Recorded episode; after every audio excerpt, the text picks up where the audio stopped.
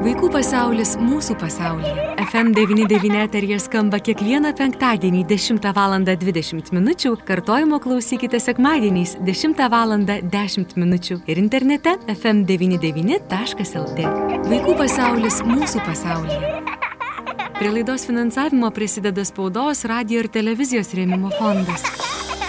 Labadiena, brangus FM99 klausytojai. Štai ir vėl atkeliavo metas mums pasikalbėti apie vaikus, apie vaikų pasaulį. Tad studijoje prie mikrofono ir vėl su jumis labinuosi aš Eglė Malinauskinė. Ir šiandien tikrai džiaugiuosi, kad galėsiu pakalbinti gerbiamą Neringą Martišienę, valstybės vaiko teisų apsaugos ir įvaikinimo tarnybos Kauno apskirties vaiko teisų apsaugos skyriaus vedėją, sveikatos psichologę, medicinos psichologę. Neringa, laba diena. Labai malonu šiandieną su jumis sveikintis. Ir, na, tema tema, ko gero, nėra iš tų tokių lengvų, šviesių, skaidrių mhm. temų, tokia pakankamai sudėtinga. Tad gal pirmas klausimas, neringa, kurį norėčiau Jums užduoti. Paprastai, kuomet suaugęs žmogus kreipiasi, ko gero, į specialistus ar tiesiog pokalbių metu, ar ne, kai būna, kažkokius išgyvenimus patiria, turi įvairių priklausomybių, na, susiduria su problemomis gyvenime. Tai neretai išgirsta, ko gero, kad, na, pasižiūrėkime, kasgi buvo vaikystėje. Iš tiesų, ta, tai, kas įvyksta vaikystėje, lydi mus visą gyvenimą.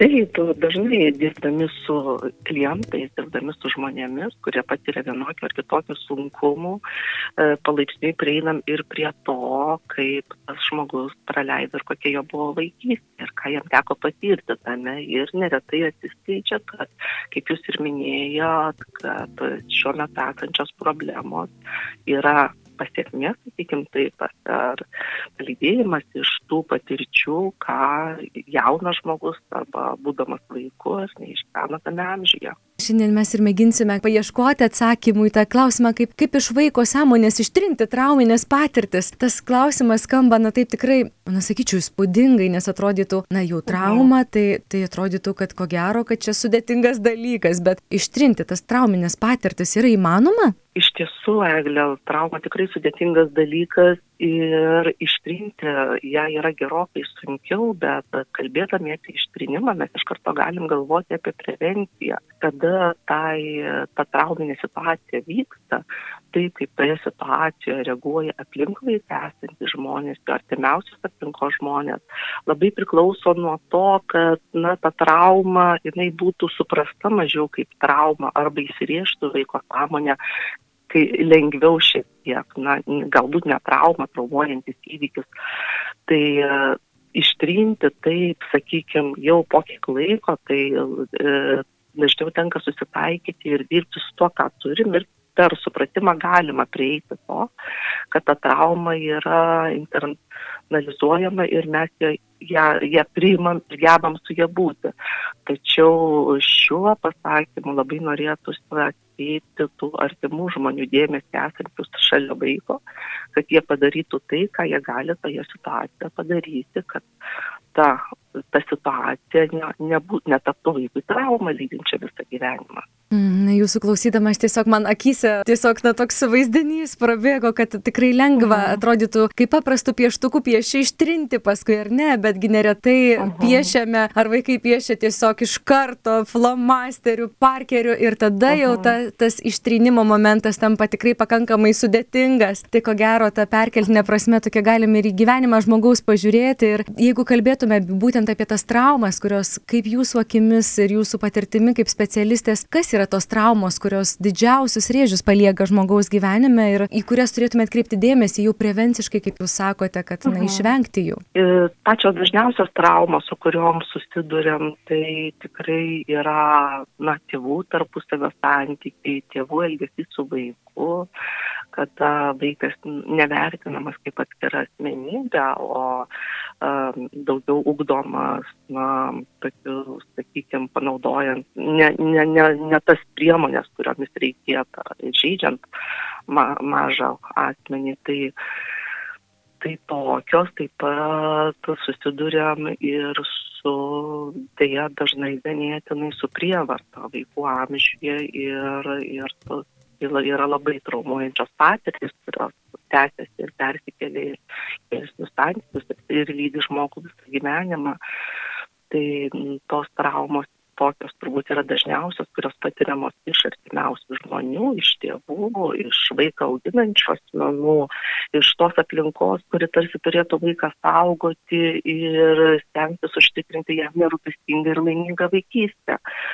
Tai, na, turbūt priklauso nuo to, iš ko patiriam tą traumą, kaip sakiau, kad artimiausi žmonės e, žaidžia skaudžiausiai vaiką ir be abejo tas traumos gylis, tai yra, yra žeminimai, yra smurtas, yra prievarta, na, tokie dalykai labiausiai traumuoja vaikus. Štai norėčiau staptelti neringa prie jūsų pasakymo, tėvų tarpusavio santykiai, ar ne? Tėvų santykiai su vaikais yra vienas laukas, tėvų tarpusavio santykiai, kur atrodytų, na tai čia jau mūsų reikalas, ne jūsų, ar ne, vaikų.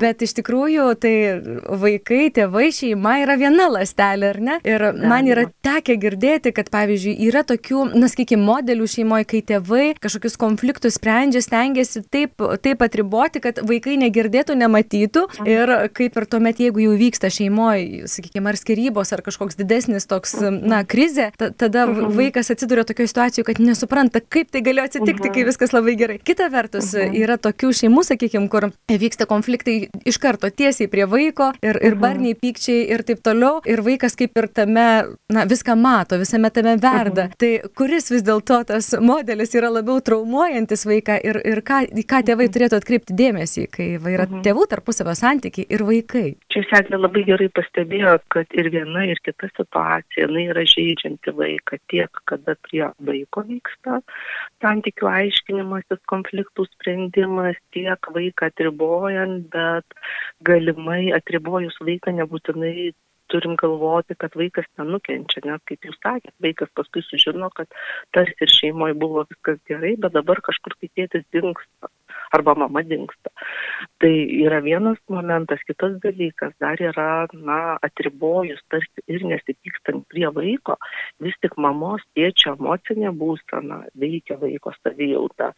Be abejo, vaikas yra ir silpniausias šeimos narys, priklausomas nuo kitų ir neretai gali būti, jog viena iš tėvų išveika jausmų, kuris susikuria bendram partnerių tarpusavio santykių fone gali būti išveikiama santykėje su vaiku.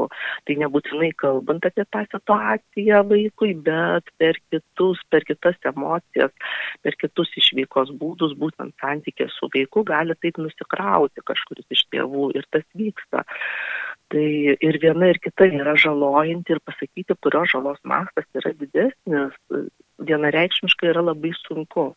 Be abejo, labai vaiką žaloja, kada yra įtraukiamas į tėvų konfliktą, nes kada mes įtrau, įtraukiami kažkieno konfliktą, mes tarsi ir tampam atsakingi už tos situacijos sprendimą. Vaikas gali jaustis kaltas dėl to, kad tėvai įsiskyrė, kad galbūt na, jis kažką netaip darė, nesugebėjo tėvų sutaikyti.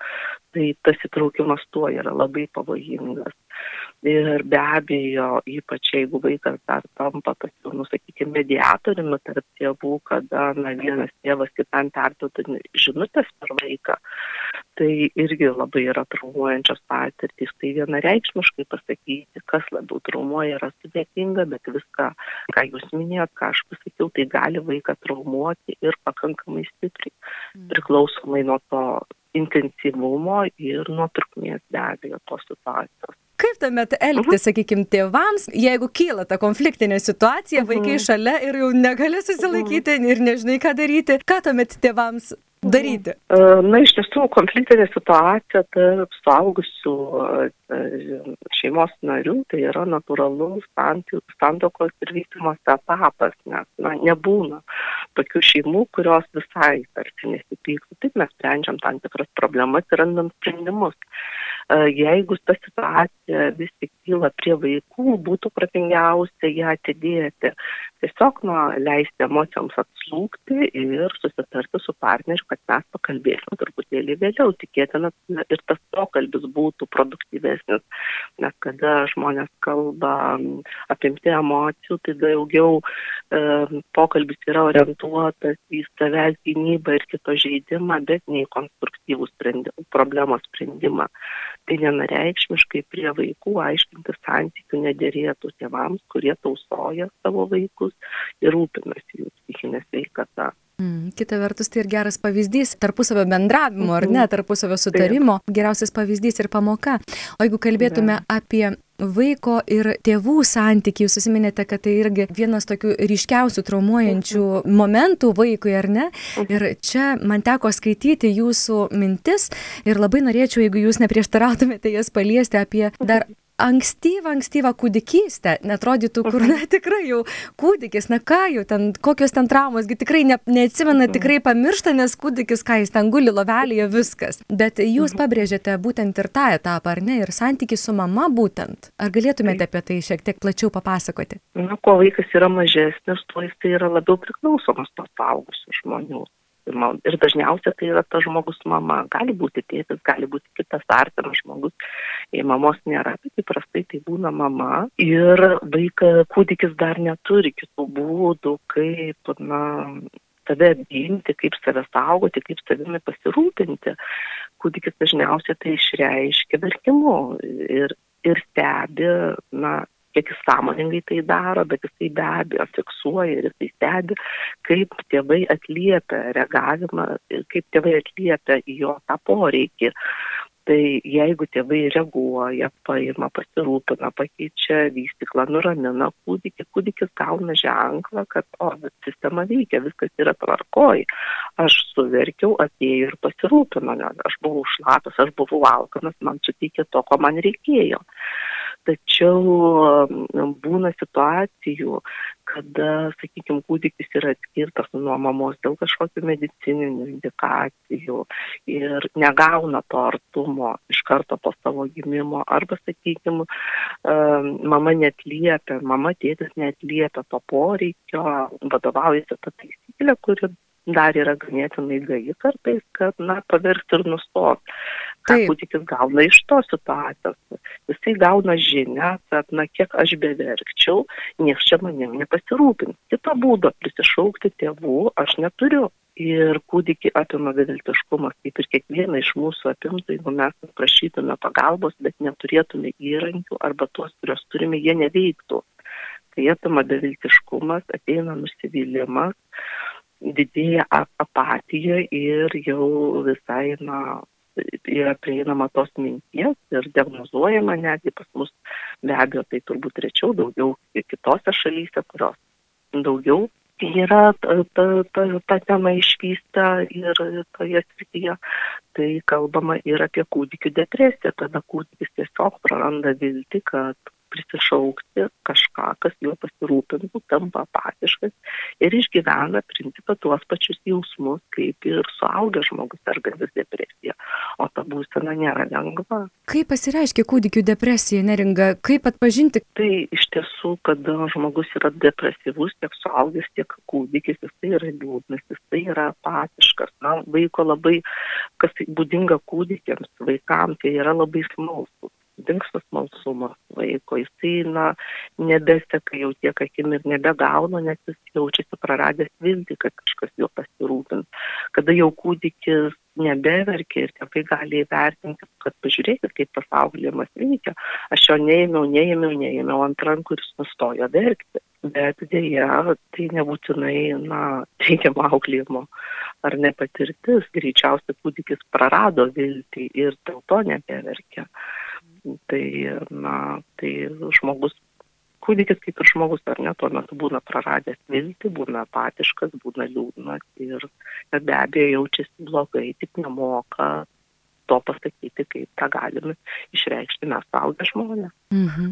Ir ta patirtis iš kūdikystės, sakykime, patirtis to mhm. depresiškumo, mhm. net liepimo, na, to tokio saugumo praradimo, ko gero, ar ne, nes vienas pats e, paliktas pasirūpinti savimi negali. Augant vis tiek, visi užauga ir iš kūdikystės išauga vaikystė, mhm. paauglystė. Ta patirtis kūdikystėje, kaip jinai atsinešama neringa į, į vėlesnius raidos etapus, į paauglystę mhm. pagaliau, ar tai mhm. atsiliepia vėlesnėme amžiuje? Jeigu nebūna imtasi priemonių, nes, na, kūdikiai dar psichologo pagalbos neteiksi, bet tą situaciją galima imti taisyti nedėlisant, suteikiant vaikui daugiau rūpešio, daugiau šilumos, daugiau dėmesio. Nes jeigu vaikas užauga su tokia patirtim, kad, na, manim nepasirūpins ir aš negausiu tos šilumos, to saugumo ir situacijos, bus, situacijos bus, tvarkysiuosi pats taip, kaip išmanau, tai ir eina per pasaulį su ta žinia, kad aš esu vienas, aš esu vienišas, galiu tik už save pakovoti, paauglystį tai gali pasireikšti ir agresija, nes, na, tie patyrę nuoskaudas nukentėję žmonės, jie aktyviau gina savo, sakykime, erdvę, savo teisės ir gina ne visai tais primtinais būdais ir, ir ne visada taip, kaip reikėtų ginti, nes jie tiesiog viską, viską reaguoja gynybiškiau tai paauglystėj gali būti agresija, gali būti savižala, tai gali būti tas pats depresyvumas, valgymo sutrikimai, elgesio, nu, daugybė pasiekmių yra, nes žmogus eina su ta žinia, kad manim niekas nepasirūpins, tik, tik tiek, kiek aš savim pasirūpinsiu.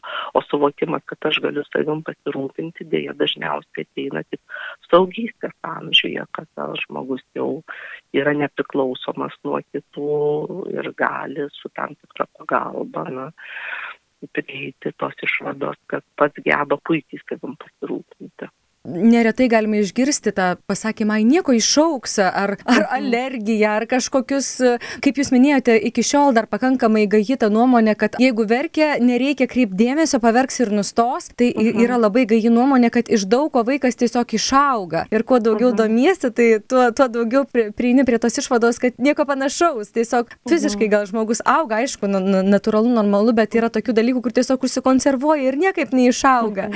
Ar įmanoma, kad tos patirtos tos traumos, tos žaizdos kūdikystėje, vaikystėje, jos praeina savaime, nes nemažai yra išaugusių ir dabar vaikų, ir dabar augančių, kurie, na mhm. tikrai nuoširdžiai tėvai mhm. augindami kūdikius tiki, kad taip ir reikia, nereikia imti dažnai ant rankų, tikrai paverks ir nustos. Ir ne iš blogos valios, bet tiesiog galvoja, kad tai yra mhm. geriausias variantas vaikui. Ir, ir dabar turi, sakykime, paauglius vaikus, augančius vaikus ir, ir suvokia, kad tai buvo klaida. Tai yra viltis, kad vis dėlto išauks, ar imti, priimti atsakomybę atsakomybę, kad taip, padarėm, na, klaidą tai augindami taip ir reikia kažko imtis. Kaip reikėtų daryti? Na, kiekviena situacija yra labai individuali, galbūt žmogus auks, užauks ir jis gebės su tuo tvarkytis, ras kitus kažkokius įveikos mechanizmus, bet didelė tikimybė yra, kad tą žmogų ir lydės tos problemos visą gyvenimą.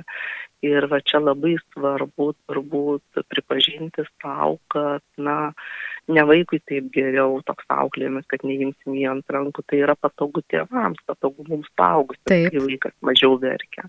O vis tik vaikas, na, neverkia šiaip savo, galbūt jisai sausas, galbūt jisai pavalgęs, bet jam trūksta emocinio ryšio, jam trūksta um, jo vystimuisi, latinimuisi labai bendravimo, sakykime, iš tų pačių žaidimų.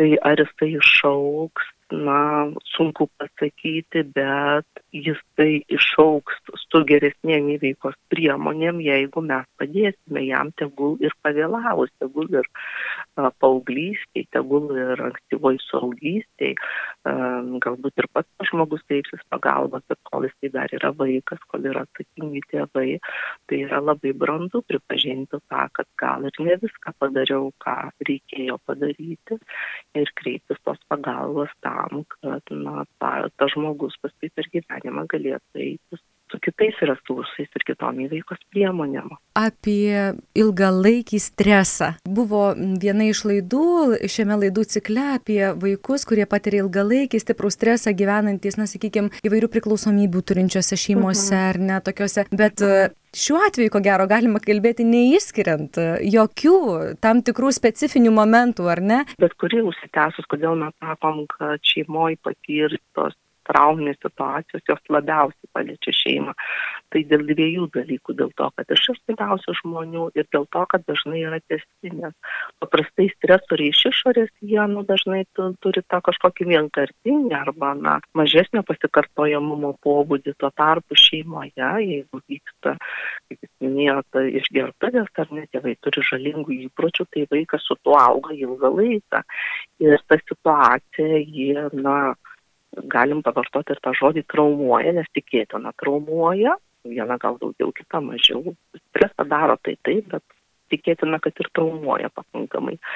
Ir tas tęsiasi nemažą laiką, tai poveikis irgi akumuliuojasi, jis yra, yra nu, su, su, stipresnis tam vaikui ir jam tada sunkiau tvarkyti su ta situacija, vien dėl to, kad jis negali išeiti iš tos situacijos ir kažkur na, ramiau jau būsenoje tvarkytis, nes tas stresas patirimas, kitas dalykas, jisai tose šeimose įprastai ir negauna tos pagalbos, nes tėvai, tai kalba apie tai, kad tėvai negeba tinkamai savim rūpintis, tai vaikų jie tuo labiau nepasirūpins.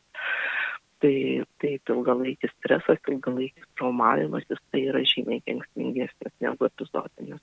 Mm, yra tekę skaityti man apie tyrimus, kad net ir ilgalaikį stresą patiriantys vaikai ir labai ankstyvo amžiaus vaikai, net ir fizinių tokių potyrių turi, ar ne, ir širdutės permušimai, ir tam tikrų vidinių organų, -huh. lėtesnis vystimasis ir sutrikimai, kur atrodytų, na ką jau tas vaikas, nu kasgi čia ar ne, bet iš tikrųjų tai, tai yra tiesiog maža saugusio žmogaus kofė ir kai saugęs žmogus galvoja, va, aš tai turiu problemų darbe, ten kažkur, nežinau, socialiniai srity, o vaikas, na kasgi čia vaikystė. Ir dar vienas klausimas, neringa, kurį noriu paliesti šiandieną, tai, na, ne visi ko gero gali iškalbėti, kaip jaučiasi, ką patiria, mhm. ypatingai paauglystėje turbūt atsiranda tokių mhm. momentų, kai nutylima ir, ir ypatingai nuo tėvų nutylima. Jeigu matome, kad, sakykime, paauglystėje vaikas tyli, nesako, mhm. nekalba, bet, bet jaučiame kažkas ne taip, ar ne? Į ką reikėtų atkreipti dėmesį, kad gal kreipti specialistų pagalbos ar kažkaip prakalbinti vaiką. Jeigu, na, tos problemos iš ankstyvos vaikystės atsineštos iš kūdikystės ir gal to pasitikėjimo, tokio gili,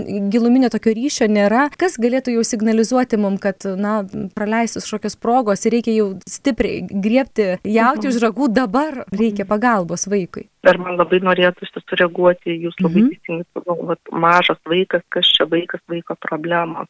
Kiekvienam žmogui, tame tarp ir vaikui, jo problemos yra didžiausia. Bet jei mes suaugę tą suprasim, tada mes suprasim ir tos problemos ir galimos žalos mastą. Bet kiekvienam žmogui, nesvarbu kokio amžiaus jis bebūtų, tos problemos yra svarbiausios, nes tai yra jo problemos. Jeigu kalbant apie tai, ką galima pastebėti, labai svarbu šalia vaiko, šalia paauglio esančių suaugusių dėmesingumas ir pastabumas. Be abejo, šeimos narių, taip pat ir ugdymo įstaigų mokytojas, klasės auklėtojas, užklasinės veiklos, kaimynas galų gale. Tie žmonės, kurie mato, kad vaikas na, tapo uždaresnis, vaikas yra nusiminęs, vaikas nebesidomi niekuo, vaikas na, galus skundžiasi ir tais pačiais psichosomatiniais simptomais. Tai, tai jeigu nėra tam medicininių be abejo priežasčių, tai jau yra signalas, kad kažkas vyksta su vaikais. Labai liūdna, bet dažnai susidurėm su to, kad net artimiausi žmonės nepastebi jau tokių netgi aiškių e, ženklų kaip savižala. Paaugliai, ypač šiuo laikotarpiu išgyvenantis su mumis visais tą, tą tokį pandeminį laikotarpį, jie yra linkę į savižalą ir tokiu būdu tvarkosi su tuo skausmu ir su tom problemom, su vienišumu, su visais kitais dalykais. Tai, tai jau vienareišmiškai signalizuoja, jeigu pastebim, kad vaikas kažkokiu būdu kenkia savo, tai yra, jau yra labai aiškus pagalbos prašymas, bet ir bet koks kitas pasikeitęs vaiko elgesys. Man atrodo, kad mhm. nemaža problema yra tai, kad tiesiog kažkaip nepripažįsti problemos šeimoje. Mhm. Gėda ar kažkaip, kaip sako, kai negi dabar čia nešis kalbinius prieš akis, ne, gal kažkaip praeis, gal, gal kaip, nes jeigu jau yra tokia bėda, reiškia kažką praleidom, reiškia kažkas blogai, reiškia kažką kažkur klaidų. Ir tada reikia pripažinti jau ir savo kažkokias bėdas, praleistus momentus. Ar tai galėtų būti tiesa, kad tai iš tiesų neretai stabdo ir, ir pagalba savo vaikui stabdo iš tėvų pusės? Taip, taip, ir pagalba savo vaikui, ir pagalba savo patiems, nes na, mes, kai turim fiziologinių fizinių kažkokių sveikatos sutrikimų, mums nebaugu kreiptis nei į tą patį ar ne virškinimo lygų gydytoją, nors galbūt nesveikai maitinome, mhm. nei į tą patį na, pulmonologą, nors rūkėme tai vis tik ieškom pagalbos. Tai šiuo atveju reiktų pripažinti, kad ta problema nėra mažesnė ir jinai gali įtakoti net daugiau vaiko savijautą kitą kartą negu ta fizinė problema. Mm. Tai pas specialistą, pas psichologą, na, išskirtinais atvejais ir pas psichiatrą gali teikti, jeigu matoma aiškių rizikos ženklų vaiko elgesyje. Tai yra normalu ir tai yra tą pagalbą vaikui, kurios reikia. Be abejo, šeimos nariai tada gaus pagalbą, kaip būti ar ne, kaip tą ryšį stiprinti su vaiku, tai yra kompleksinis dalykas, labai svarbu ir šeimos narių supratimas, keitimasis ir, ir na, ėjimas tą kryptimį, kaip padėti savo vaikui, nes tokia ir yra suaugusių žmonių auginančius vaikus. Ne, misija. Puikia mintimi baigėte šiandien mūsų pokalbį, neringa. Aš nuoširdžiai dėkosiu Jums už tą laiką, kurį galėjote mums skirti. Ačiū už Jūsų žinias, kuriomis dalyjatės. Ir labai tikiuosi, kad e, ir radio klausytojai išgirdo svarbių minčių ir temą tokia apmąstymui ir kreipsis pagalbos, nesigėdins, e, nestos, nes iš tikrųjų iš mūsų vaikų auga greičiausiai būsimieji tėvai, kurie taip pat augins savo vaikus, ar ne? Ir, ir, ir tai yra labai svarbu. Tai šiandien dėkoju Jums už pokalbį, palinkėsiu sveikatos ir labai ačiū neringa. Ačiū, Aglė, būkite sveiki. Kalbėjome su valstybės vaiko teisų apsaugos ir įvaikinimo tarnybos Kauno apskarties vaiko teisų apsaugos skyriaus vedėja, o taip pat ir sveikatos psichologė, medicinos psichologė neringa Martišienė. Vaikų pasaulis mūsų pasaulyje. Prie laidos finansavimo prisideda spaudos, radio ir televizijos rėmimo fondas.